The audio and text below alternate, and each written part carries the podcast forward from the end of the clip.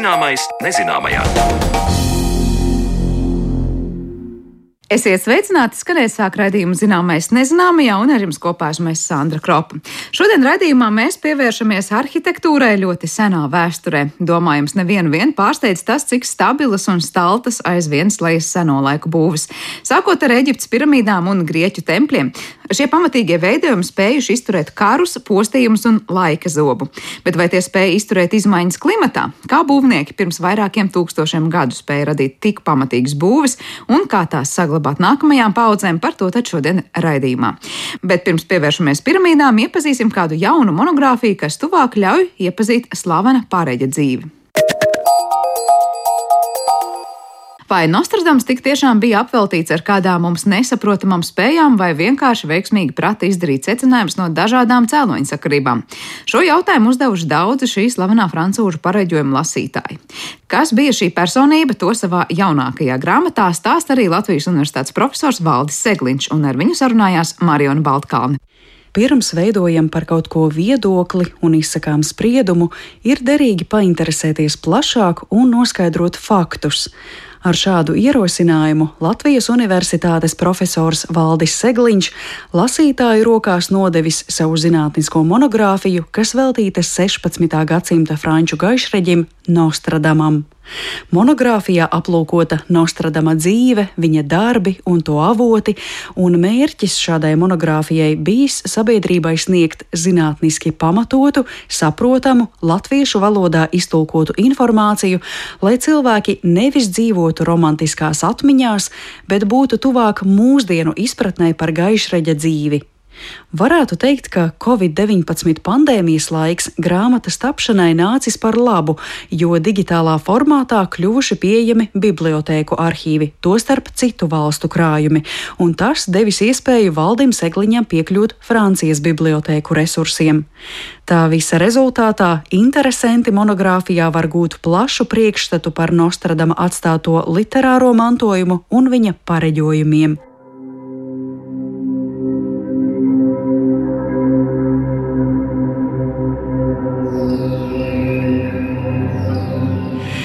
Mišels de Notrdams, kurš pasaulē plašāk pazīstams kā Nostradams, jeb Nostradamus latīņu valodā, bijis nevien gaišreģis, bet arī aptiekārs. Taču, kā izrādās, terminu izvēlē attiecībā uz Nostradamu ir jābūt piesardzīgiem, jo kritiku viņš saņēmis par darbošanos gandrīz visās nozarēs. Par to plašāk stāsta Valdis Segliņš. Nu, vispirms tās ir astroloģiskās prognozes, nevis pareģojumi. Un, uh, viņš pats mēģina arī vairāk kārtīgi savos darbos to teikt, ka tie nav pareģojumi, ja, bet viņš publicē viņa almanahā tieši ar vārdu, ka tie ir pareģojumi.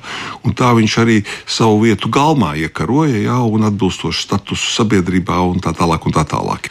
No šīs astroloģijas viedokļa ja, mums vajadzētu ļoti skaidri nodalīt, ka tie ir 1555. 57. gads, kad viņš pirmo reizi viņus publicē nepilnīgs, ja, bet pirmo reizi kopumā ja, tādu mūža astroloģija būtiski mainījusies. Tad fundamentāli tiek pārskatīta jau faktiski nākošā gadsimta laikā, jau pēc viņa nāves, ja gan attiecībā uz to, nu, mums ir saule pasaules centrā vai otrādi, kurš ap kur riņķo, otrs tāpat tās zvaigznājos, kuras zvaigznes, kur kam piederīgas ir jau, un tāpat tās arī planētu skaits un viņa izvietojums jau būtiski mainās. Un, nu, uz viņu neatsaucās profesionāla astrologa mūsdienās nekur, jā, es vienkārši iemeslu dēļ, ka tās sistēmas, uz kurām viņš balstās, viņas nu, vienkārši netiek lietotas jau nu, gandrīz 5 gadsimtus šī gada 14. decembrī viņam būs uh, gada diena, ja viņam būs pēc 120 gadi kopš dzimšanas. Faktiski viņš tāds arī palicis kā astrologs, kurš ir labākais vai pazīstamākais no šīs iepriekšējās paudzes. Jo tas ir solis pirms mūsdienu astroloģijas. Galmā viņš ir atzīts, nu, līdz ar to viņa materiālais vispārējais stāvoklis viņam ir nodrošināts tikmēr, kamēr viņš sekmīgi to dara. Savukārt, teiksim, ārpus galma, ja, viņš ļoti asti tiek kritizēts par metodēm, veidu, un tā skaitā arī maniera, kādā veidā viņš um, izsaka to visu. Jā, viņš runā ļoti sliktā franču valodā, viņam ir tāds provāns dialekta un ivrita maisījums. Viņam ir tāds ļoti specifisks valodas forma, kurā viņš arī to ziņo. Savukārt tas piesaista to ārkārtīgi specifisko valodu, savu viņa piesaista, jau laika biedri to ir aprakstījuši, ir, ka viņš ir tieši to ļaunprātīgi izmantojis, ja iekarojot savu stāvokli sabiedrībā. Persona ļoti tāda nu, groteski daudzpusīga, jā, un veidi, kā viņš ir darbojies, jā, ir ļoti atšķirīgi. Arī tā laika almanahā, kas varbūt viens no populārākajiem mēneša rakstiem tajā laikā Parīzē, kur pārdrukā arī citās pilsētās, tā kritika ir pietiekoši nesaudzīga par neprofesionalitāti un tā tālāk. Un tā tālāk. Un pēc viņa nāves tikai vienu reizi viņš tiek izdots. Pēc 60 gadiem pēc viņa nāves jā, iznāk uh, sešsējumi, un plus septītais skaidrošais sējums vēl ir jā, izdevums, kā tulkot vai kā skaidrot Nostradama teikto. Un viņš nav sevišķi veiksmīgs, es tā uzmanīgi teikšu, ja, un tam lasītājam jābūt ārkārtīgi sagatavotam, lai vispār saprastu, par ko runāt. Ja, un ir jebkuram skaidrs, ja pēc dažām desmitiem lapspušu, ka nu, tas nav priekš viņa. Šim skaidrojumam jā, ir sava veida panākumi, tāpēc, ka tas vārds joprojām ir tajā laikā zināms, ja, bet faktiski tā ir tāda nu, pēdējā gulba dziesma. Un tad sako aizmirstības gadsimta.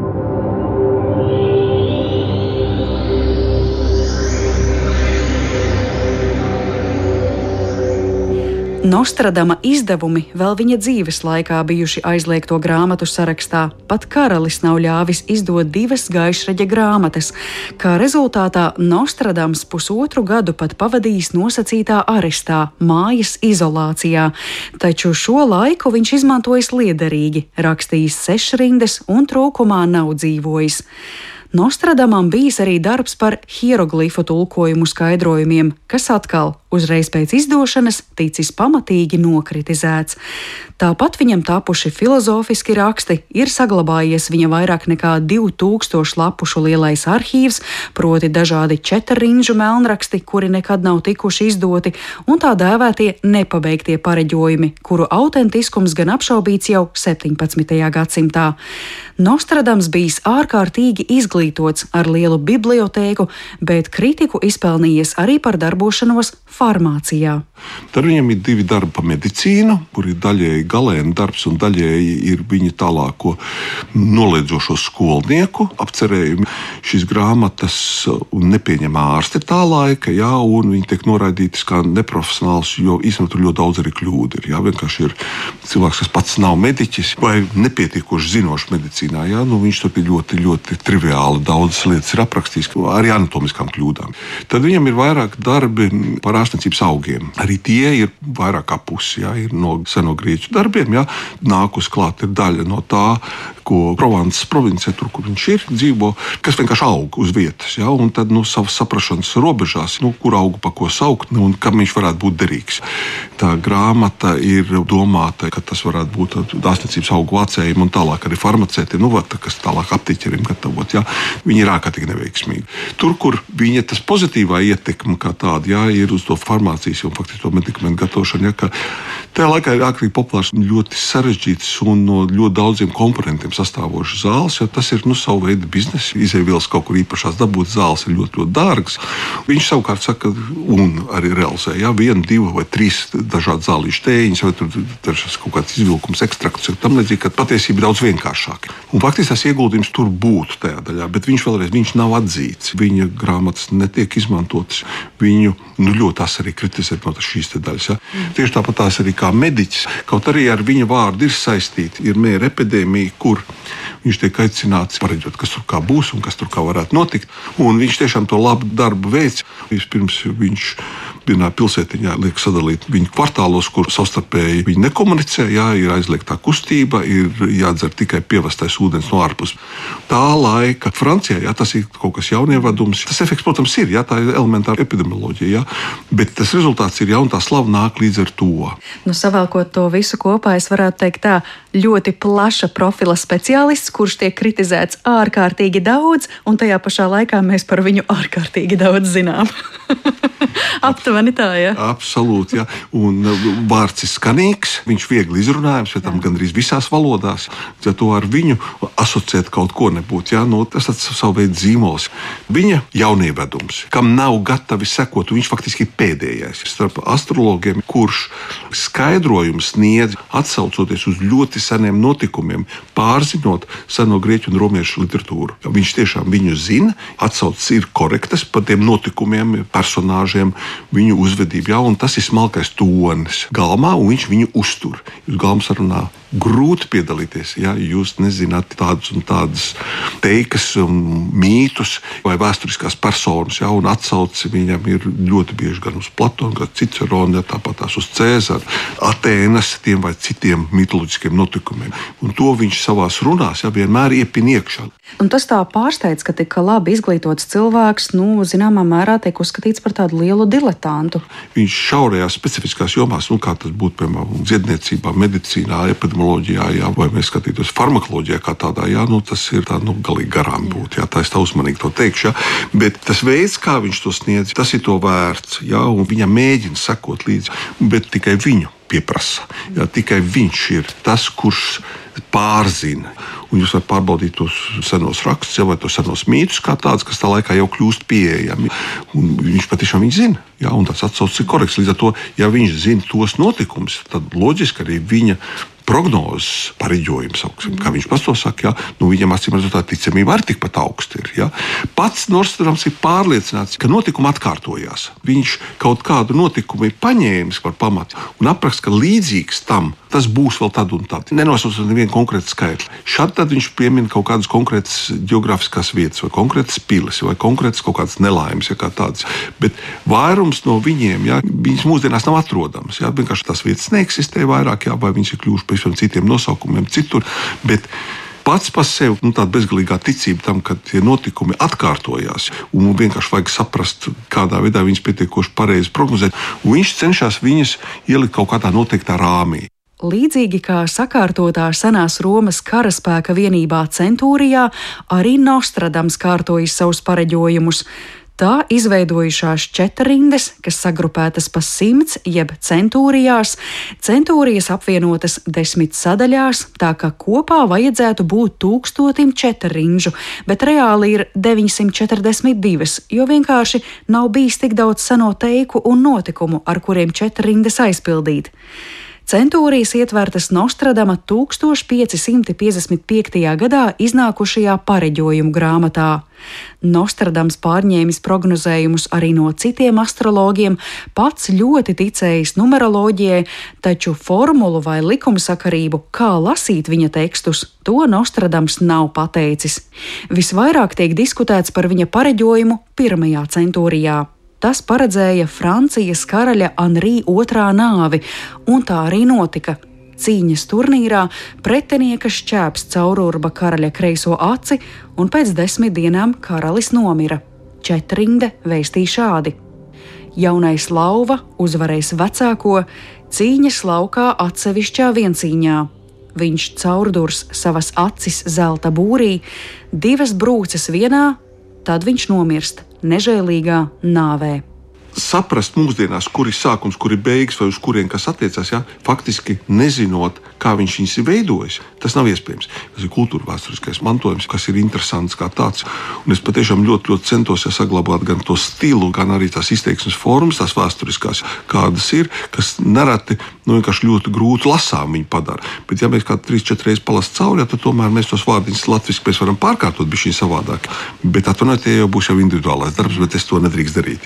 Bet pats viņš tiešām nav atstājis ja, kaut kādu piesaisti, tā droši no kura līdz kuram gadam, ja tam līdzīgi. Arī savos almanahos viņam ir 11 kalendāri ar katram mēnesim saviem astroloģiskām prognozēm izteiktām, kur viņš saka, ka tās astroloģiskās prognozes ir. Tad viņas arī nav piesiets gadiem. Kalendārs ir, bet viņš nesaka, uz kuru gadu tas attiecās. Un kā ir ar šo viņa slaveno pareģojumu krājumu, ko viņš nosauc par pravietojumiem 1555. gadā, vai mūsdienās ir arī kaut kādu notikumu skaidrošana atsaucoties uz Nostradama aprakstiem pravietojumos, piemēram, dviņu torņu spridzināšanu un kas tik vēl nav sasaistīts ar Nostradama pravietojumiem. Vispirms tur ir diezgan daudz pravietojumu, kas ir postfaktum. Tas nozīmē, viņiem ir notikuši, jā, bet viņš viņus aprakstīs. Jā. Ir pietiekuši daudz, jā, tie ir vairāki desmiti. Jā. Un viņiem vienmēr ir saistīts ir šie, nu, ar pietiekoši pazīstamām personām vai notiku, vēsturiskiem notikumiem, jā, vai no konkrētām pilīm. Tā otra daļa ir tā, ka kā mēs viņu šodien lasām. Katru gadu jau nu, daudz žurnālu lielie izdevumi, īpaši ASV, arī Krievijā. Jā, faktiski tās ir divas tādas zemes, kurās viņš varbūt populārāks ir. Jā. Katru gadu pēc jaunu gadu apsveikumiem, nāk janvāra pirmajās nedēļās, tiek publicēti, ko tad Nostradams ir paredzējis šim konkrētam gadam. Nu, te mēs tās līdzības ļoti daudz varam atrast. Vēl pandēmija nebija, ka bija jau prognozes par to, ka būs tas ekonomiskā lejupslīde, ja, un ka cilvēkiem būs kopīgās visādas nelaimes un tam līdzīgas. Ja, ko īstenībā es atvainojos, es nevienu tādu četru nevaru atrast, ja, bet varbūt kāds cits labāk var izlasīt. Un tajos mūsdienu skaidrojumos es aicinu pievērst uzmanību, ka nekad jau netiek norādīta konkrētā četrinda, ja katra viņas ir numurētās. Ja, bet tā sasaistes, ja kā tāds, ja tur cilvēks saskata ļoti dažādi. Varbūt kāds atradīs patiešām kaut kādu labu atslēgu vai, vai kaut ko sev noderīgu. Ja. Tīrs apkopojums, ja to, kas ir bijis, ir izdots pēdējo reizi vāciski un angliski 80. gadu beigās. Un kopš tā laika ir izdots tikai atsevišķi izvilkumi, atsevišķi daļas kaut kādas ārā, ja, ņemot vērā to, ka nu, tur daudz notikumi, nu, kas attiecās uz 16. gadsimtu, nu, viņi mūsdienās nu, tā nesevišķi aktuāli būtu. Vai arī tie, kas ir tīri vēsturiski jau sen, sen notikuši, nu, viņi varētu nebūt interesanti. Bet tāda izvilkuma, tāda atsevišķa nu, kopsavilkumi jā, vai kaut kādas izlases. Jā, tās ir salīdzinoši populāras, viņi pietiekuši daudz ir. Bet savukārt tas, šīs grāmatas, tas specifika, vēlreiz, ka ir šeit nu, pilnībā tāda, kāda viņi ir. Plus šeit ir iekšā viss, kas no almanaka, kas parasti nav nekādās izlasēs. Jā. Viņi ir šeit iekšā un ir iekšā šeit visi tie nu, teiksim, tā, atklātie avoti, no kā Nostradamus smēlās. Ja, tas ir tīrs, tiksim, nenosauktās atsauces, ja, tās, tiksim, ja, un tie teksti ir pieejami. Ja. A un sešrindas ir tiksim, tādā komplektācijā, visvienā iekšā. Tāda nekad nav tikuši gatavot. Ja. Vairākās vietās mums ir bijuši tulkojumi, ja, latviešu pieejami. Būtu svarīgi tomēr to visu redzēt aicināt izmantot iespējas nu, pašizglītoties un pašiem savu viedokli veidot. Ja? Tas priekšvārdā ne no labas gribas nosodām savam dēlam raksto vēstuli, ja? kad viņam pašam ir jāizvēlās, pašam ir jāapgūst, lai pārliecinoši varētu skatīties nākotnē. Tā varbūt tā morāla apakšā, ja mums krājumiņš ir, ja mēs uzskatīsim, ka tas mums ir kaut ko zināms, kā tas viedra galds vai kaut kas tāds ļoti piekrāmēts, bet savukārt, ko mēs no tā izvēlamies un kādā secīgumā, tas ir mūsu rokās. Ja? Ja, bet kāpēc un kā pats autors, nesatams, kāpēc viņš tāds salika, ja, mēs patiešām nezinām.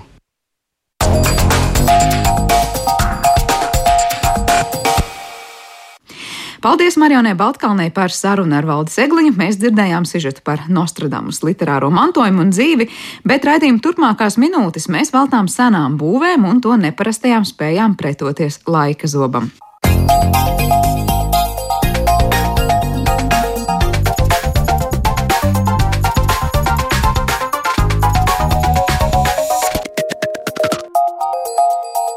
Zināmais nezināmajā. Cilvēces vēsturē bija laiks, kad cilvēki bija gatavi gadu desmitus pavadīt būvējot milzīgas, pārsteidzošas būves, godinot savus dievus un valdniekus.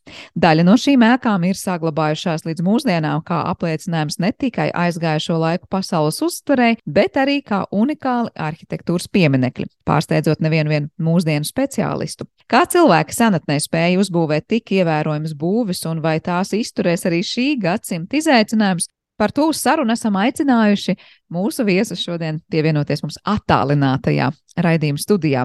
Ar mums kopā ir kultūras pieminekļu eksperts un arhitektūras zinātņu doktors Bruno Delāns. Labdien! Labdien! Kā arī Latvijas Universitātes Geogrāfijas un Zemezinātņu fakultātes pētniece Agnese Kukela. Labdien!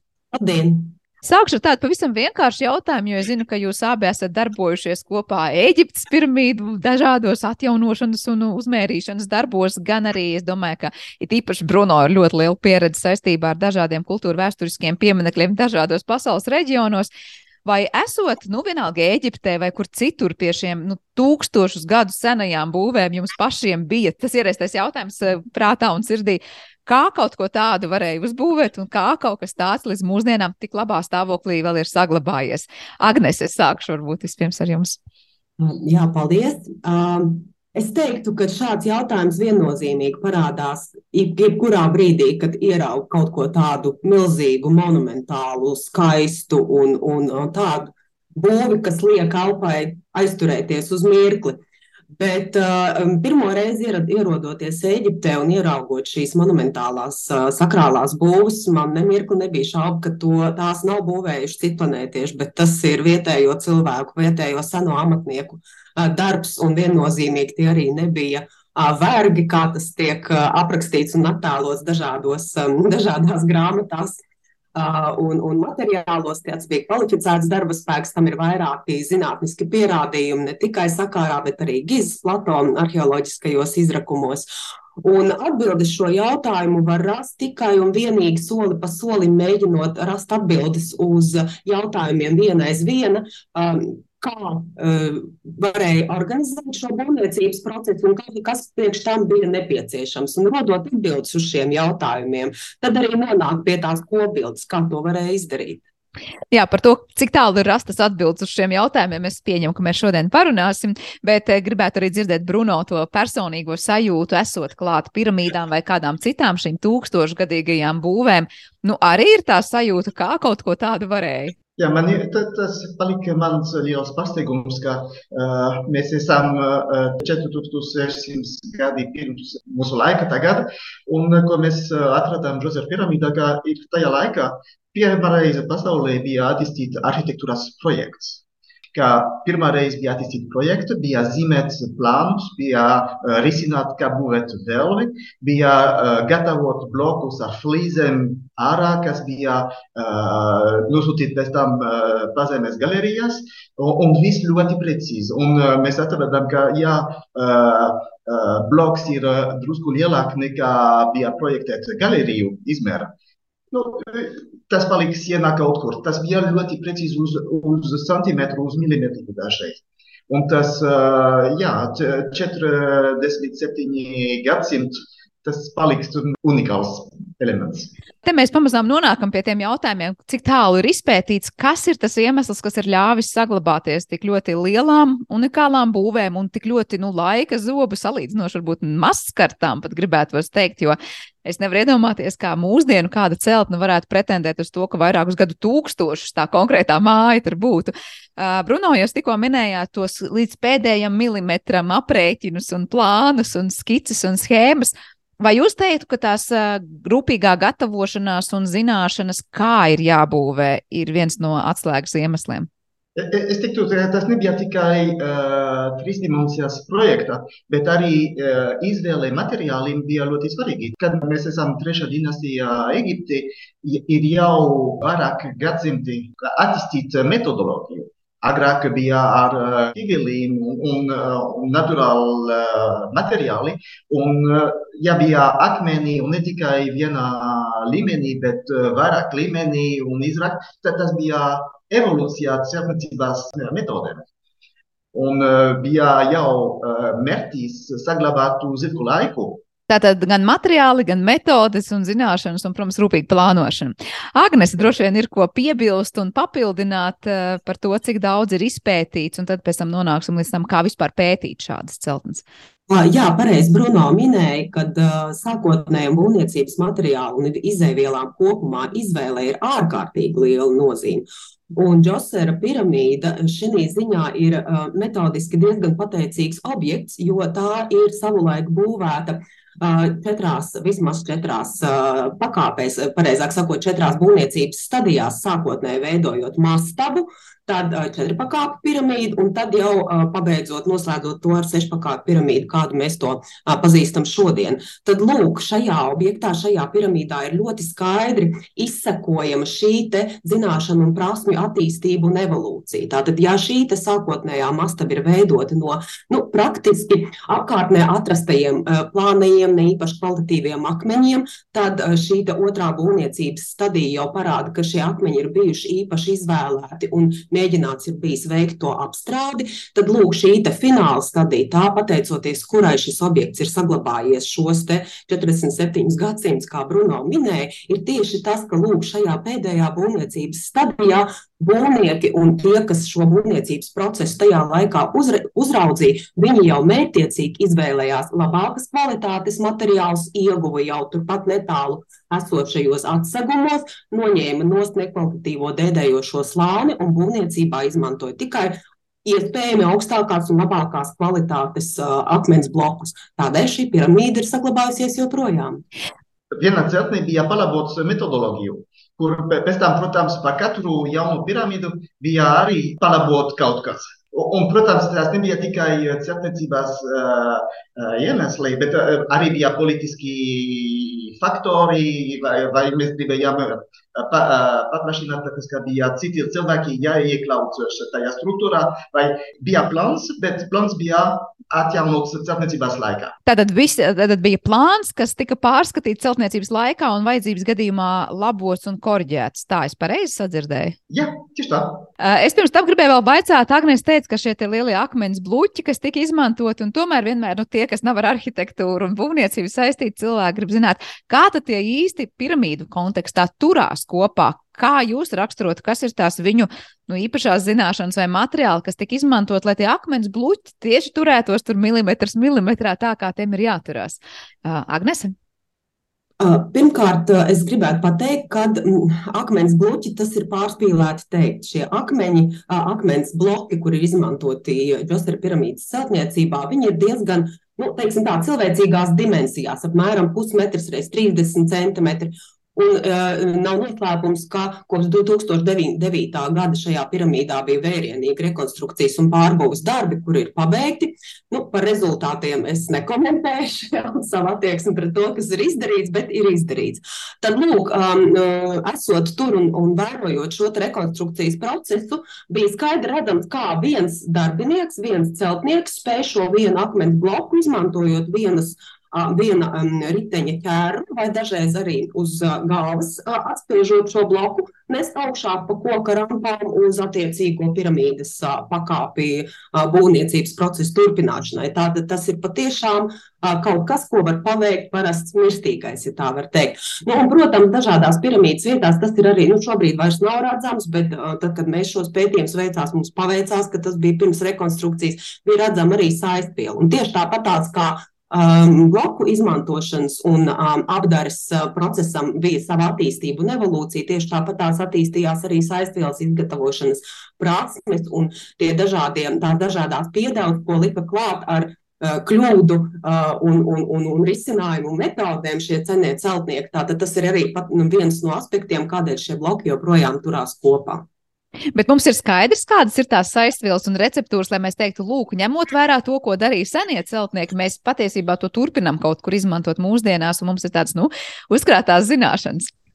Tās saistvielas, kas ir izmantotas šajā piramīdā, ir dažādas. Pirmkārt, viņas ir dažādas šajās dažādās būvniecības stadijās. Otrakārt, viņas atšķirās arī vienā būvniecības stadijā pēc sava sastāvā. Tur ir gan pievienots malca alabastras, gan smalcināti gliemežvāki, piemēram, Bet uh, ņemot vērā, ka mums nebija īpaši atļauja, lai ņemtu šo saistvielu paraugus uh, analīzēm, uh, tad mēs varējām veikt pārsvarā to makroskopisko novērtējumu. Ja kāds saistvielas gabals kaut kur bija pieejams, tad varēja viņu rokās tā teikt, sasmalcināt un mēģināt saprast, kas tur ir iekšā.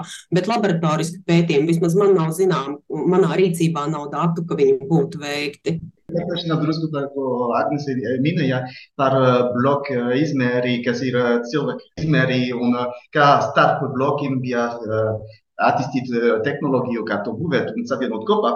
Bet ir interesanti redzēt, ka pirmā stadija, kas bija mastabā, kur bija šāfs pa vidu, kas bija uh, vairāk nekā 30 metri augsts un 8 reiz 8, kad mēs gribam būvēt pirmo stadiju piramīdai, nozīmē, ka ir jāaizdērt un jābūvē virsū to tukšumu, kas ir 8 reiz 8. Un tad ir liels jautājums, kā risināt to lietu. Un man, man ir, un tas ir vairāk drusku mans sapratni nekā cilvēka izmēri. Ir, jā, ir jādomā un jāatrod gudro ideju, kā to būvēt. Un uh, mēs atradām un noskanējām to, to lietu, kur uh, parādīja uh, horizontālo delvi. Un tas, tas ir arī atkal ir pirmā reize vēsturē, pasaules vēsturē, kad tas bija izdarīts un bija saglabāts līdz mūsu dienas. Nozīmē, viss, kas nokrita, kad mēs strādājām tajā šaftā, bija aizbērts daļā, bet to vēl vēl uh, turēja ļoti, ļoti precīzi. Un tas, tas ir ļoti interesants fakts. Bet vai jums ir kaut kāds komentārs, ko parasti arī mēs sakām, nu viens vai nu, to vai vispār cilvēks varēja uzbūvēt, un mēs saprotam, tad varēja, bija grūti, bet varēja. Ar mūsdienu tehnoloģijām skatoties, kā mēs teiktu, nu, to tiešām varēja izdarīt ņem, tajā laikā, kad nebija viss tas, kas šobrīd būvniecībā mums ir pieejams. Kas, jūsuprāt, bija tas tā laika būvnieku lielākais izaicinājums un ar ko viņi to atrisināja? Kā viņi tika ar to galā? Bruno, sākšu ar jums. Ļoti, enfin, man ļoti grūti atbildēt, tāpēc ka uh, tas nav uh, process, kas notiek vienā ātrumā un, un, un taisnā līnijā. Mē, mēs redzējām, ka kad uh, saita periodā bija citi darbi tajā piramīdā, inženieru zināšanas nebija tajā līmenī, kur bija Džozef laikā. Viņi ne, ne, nevarēja uh, nostiprināt to vēlmi, un, un liela astoņi reizes astoņi bija pa lieli viņiem, un uh, palika nestabili, kur viņi bija, kur bija iespējams to izdarīt uh, trešā dinastijā. Nozīmē, ka uh, tas nav taisnā līnijā process. Tas ir, uh, ir da, da, dažās periodās, kur zinām vairāk, pēc tam aizmirsām, un tas ir uh, empirika drusku process. Tātad dažādos laikos tur ir gājis dažādi. Agnes. Jā, es um, ir grūti Bruno piebilst, kurš ir uh, diplomāts arhitekts, uh, bet uh, tas, kā, ko es novēroju strādājot šajā objektā, ir tas, ka pirmkārt ir jā, jāpatur prātā, ka šī piramīdas būvniecība ilga aptuveni 20 gadus. Tā tas tiek um, nu, novērtēts, ka šīs būvniecības process aizņēma tik ilgu laiku. Un, līdz ar to, manuprāt, šis laiks ir nu, tiešām optimāls, lai varētu gan izmēģināt kaut kādas tehnoloģijas, pamainīt, ja kaut kas ir maināms, un tad virzīties uz priekšu. Uh, un otrs, man liekas, ka ļoti būtiska lieta ir arī um, procesā iesaistīto cilvēku motivācijai. Tātad trešā dinastija un ceturtā dinastija ir tas laiks, kad valdnieks tiek pielīdzināts um, dieva gora inkarnācijai uz zemes. Tātad tas ir um, kaut kas ārkārtīgi uh, būtisks un nozīmīgs, un strādāt uh, šī te uh, dieva iemiesojuma eh, uz zemes eh, viņa labā ir liels gods un privilēģija. Es teiktu, ka tā ir lieliska motivācija. Protams, ka šis pasākums tika arī finansēts no valsts puses, tāpat kā tas notiek arī mūsdienās, ja būtu liels valsts pasūtījums. Bet šī motivācija, manuprāt, kā es to sajūtu, viennozīmīgi bija. Uh, laba lieta, lai mudinātu cilvēkus rast risinājumus, ja kaut kas nestrādā kā vajadzētu, un meklēt jaunus ceļus. Jā, un kā mēs zinām, tikko ir motivācija, tā cilvēks spējīgs ļoti daudz ko izdarīt. Bruno, lūdzu.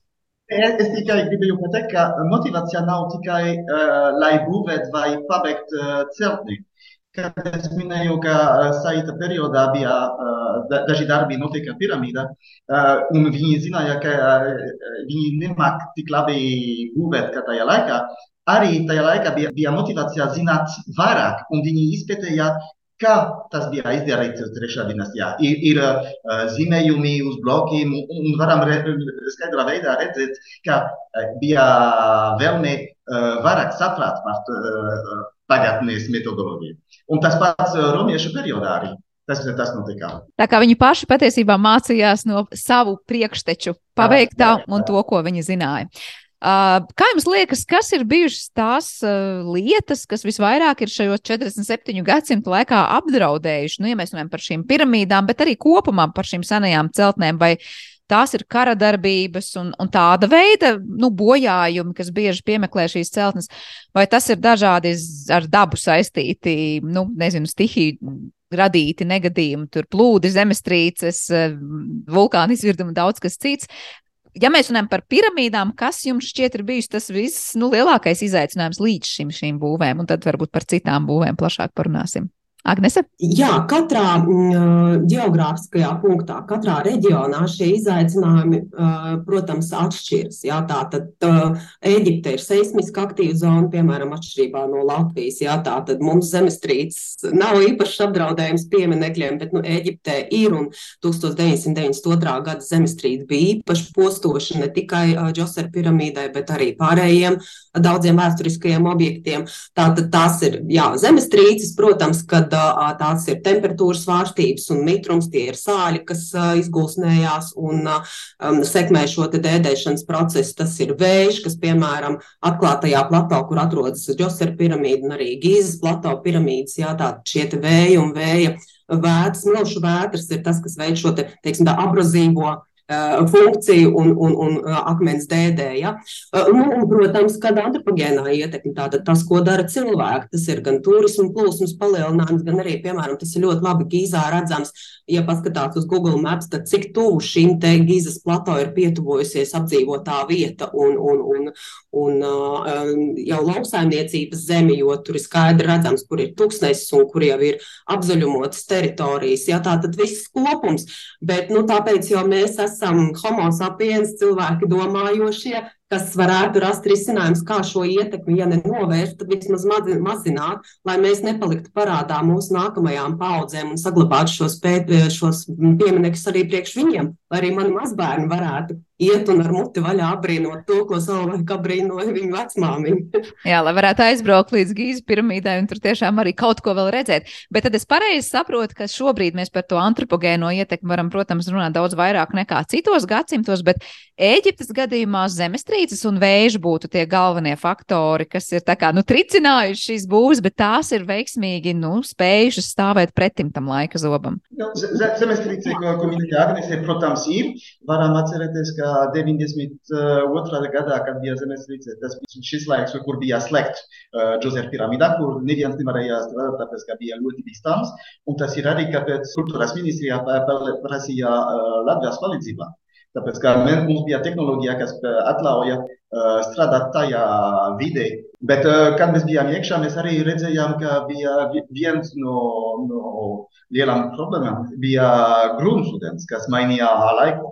40 metri pa zemi, gruntsūdens mainīja, un mēs varējām novērtēt uh, efektu. Bet par, kariem uh, Eģiptē mēs to neredzējām, bet, protams, strādājot Palmīrā vai Nimrūdā vai citās vietās, tūkstošiem gadiem tas bija visas fāzes, visas gari, kas sabojā pieminiektus. Nu, kaut vai mēs zinām, Eģiptē kaut vai Sphinx, ja šis deguns, kas ir izbojāts jau pavisam Jā. citos kara gājienos, un arī mūsu jau uztverē vienmēr ir bijis tāds. Es domāju, tāds senais eģiptietis šobrīd skatoties uz šo vietu, teikt, ka tā galīgi neizskatās tā, kā tai būtu jāizskatās. Bet, uh, Bruno, kā būtu tas komentārs, kas šobrīd ir arī varbūt klimata pārmaiņu kontekstā ir kādi tādi izteikti draudi, kas apdraud šos senos pieminekļus, vienalga vai Eģiptē, vai, vai Arābijā, vai kur citur, vai arī var, varbūt mūsu platuma grādos, nu, no arhitektūras viedokļa, kas būtu tie vislielākie izaicinājumi? Tas, tas ir pilnīgi jauns. Daži gadi tagad visi runā, ka, ka uh, zeme klimats paliek siltāk, ka, kas būs, ka, ka tas ietekmēs pieminekļu konservāciju. Un, un ir pozitīvas lietas, ka ja ūdens līmenī mainās, var redzēt, kas nebija zināms 50 gadi atpakaļ. Dažās vietās mums ir jauni pieminekļi, jauni artefakti, kas parāda. Un, un otrā pusē ir jā, jāprognozē, kas varētu būt pēc 50 gadiem. Mēģināt iet pret to, to, to, to vilcienu, klimata vilcienu. Bet eh, jūsuprāt, tas, ko jau 47 gadsimta laikā, ja mēs atkal atgriežamies pie piramīdām, ir izturējis šīs celtnes, mēs varam tā optimistiski teikt, nu, gan jau, ka izturēs gan to antropogēno ietekmi, gan klimata ietekmi un tā tālāk. Vai tomēr mums ir jābūt mazliet satrauktiem par to, ka arī nu, tas, kā daudzos citos reģionos, kur ir aktīvā kara darbība, mēs redzam, kā iet bojā senas pilsētas un seni pieminekļi, mēs varam teikt, nekas nav tiešām mūžīgs arī attiecībā uz šādiem pieminekļiem. Cik jūs esat pesimistiski vai optimistiski noskaņoti? E, es domāju, ka jautājums nav, vai mēs esam optimisti vai pesimisti. Ir jāpaliek savā vietā un nemēģināt mainīt uh, naturālo procesu. Ko, ko, ko tas nozīmē? Mans ir, ka mūsu sabiedrībā ar visām tehnoloģijām mēs gribam izpētīt vairāk, izrakt vairāk, un pēc tam mē, mēs, mums nav visas spēkas, ko vajag, lai uh, uh, saglabātu to, to, to līmeni.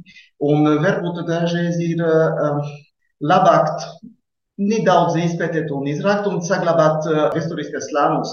Tātad es pareizi saprotu, pareiz saprotu, ka vairāk tad ir dažkārt jāspēj pētīt un izrakt, un varbūt, ka mums liekas, tas būs destruktīvi, bet mums ir jāsaprot, no kā tā būva ir būvēta un kā iespēju robežās to reku, nu, uzturēt varbūt šobrīd nu, maksimāli ilgi, ja tā var teikt, esošajā stāvoklī. Jā. Saglabāt pieminiektus kultūras plānos palīdz to saglabāt uz ilgu laiku.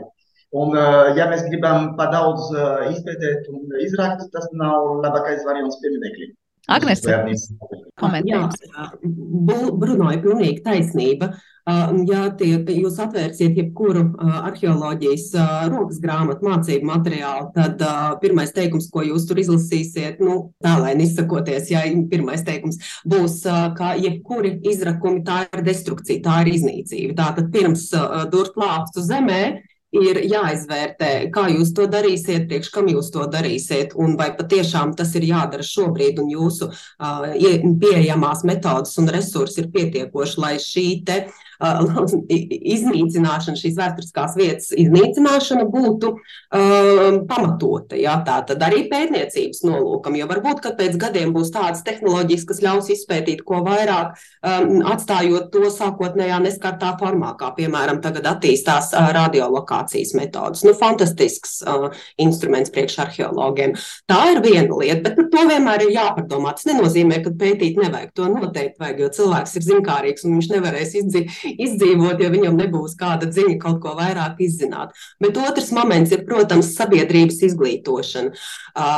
Gan plašās sabiedrības, lai, piemēram, tie cilvēki, kuru rokās, ja mēs runājam piemēram par kara draudiem, ja ir ieroči, kuri, diemžēl, es teiktu, šī gadījumā arī attīstās un pilnveidojās. Un, Uh, nu, ir tādi, kādi šobrīd ir. Un, un, uh, protams, ka var gadīties arī kaut kādas nejaušas, uh, nejaušas lietas, ka trāpa tur, kur nevajag. Bet, uh, kā pierādīja Sīrijas kara darbības procesi, ja, tad tas, dažas lietas tiek darītas arī apzināti. Tad, lūk, manuprāt, šī izglītošana varētu palīdzēt saprast, nu, ka pieminekļiem ir jāpaliek ārpus iekavām visā, kas notiek starp cilvēkiem, jā, jo tā ir daļa no vēstures, un tai, manuprāt, ir jāpaliek neskartai. Un otra lieta, protams, izglītot jauniešus, kas būs mūsu nākamā paudze, kas būs spējīgi pārņemt šo darbu, ko dara, piemēram, Bruno, es un, un pārējie kolēģis, kas strādā būvniecības un restaurācijas jomā, tātad, kuriem būtu gan iemaņas, gan kompetences, gan prasmes šos objektus apzināt, novērtēt un piedalīties tā saglabāšanā. Un te es gribētu pieminēt, ka Latvijas Universitāte ir spērusi lielu soli šajā virzienā, radot jaunu bakalaura studiju programmu, kas saucās Kultūra vidas mantojums. Nu, pirmie šīs studiju programmas studenti ir veiksmīgi nokārtojuši pirmā semestra sesiju un turpinās mācīties. Tā kā mēs noteikti aicinām, ja kādam ir interese, tad lūk, ir iespēja apgūt uh, zināšanas un prasmes tieši šajā jomā. Un par to mēs esam ļoti priecīgi.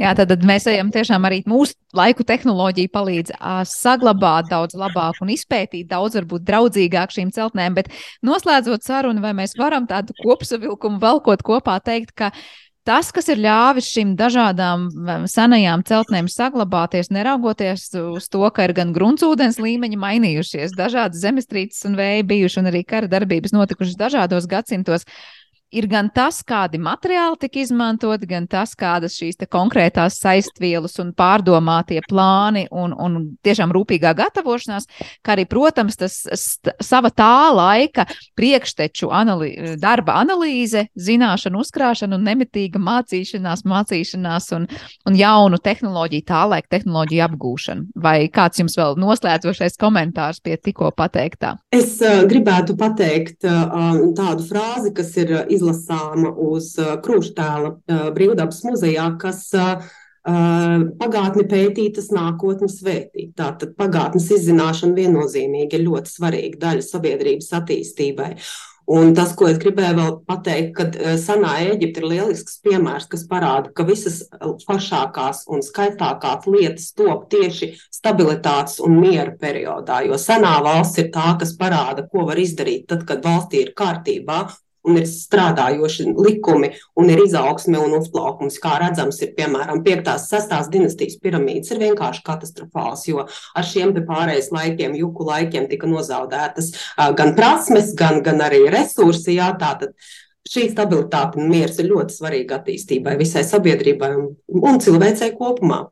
Jā, un to mēs varam ieraudzīt arī šajās senajās būvēs. Bruno, tad noslēdzošie vārdi.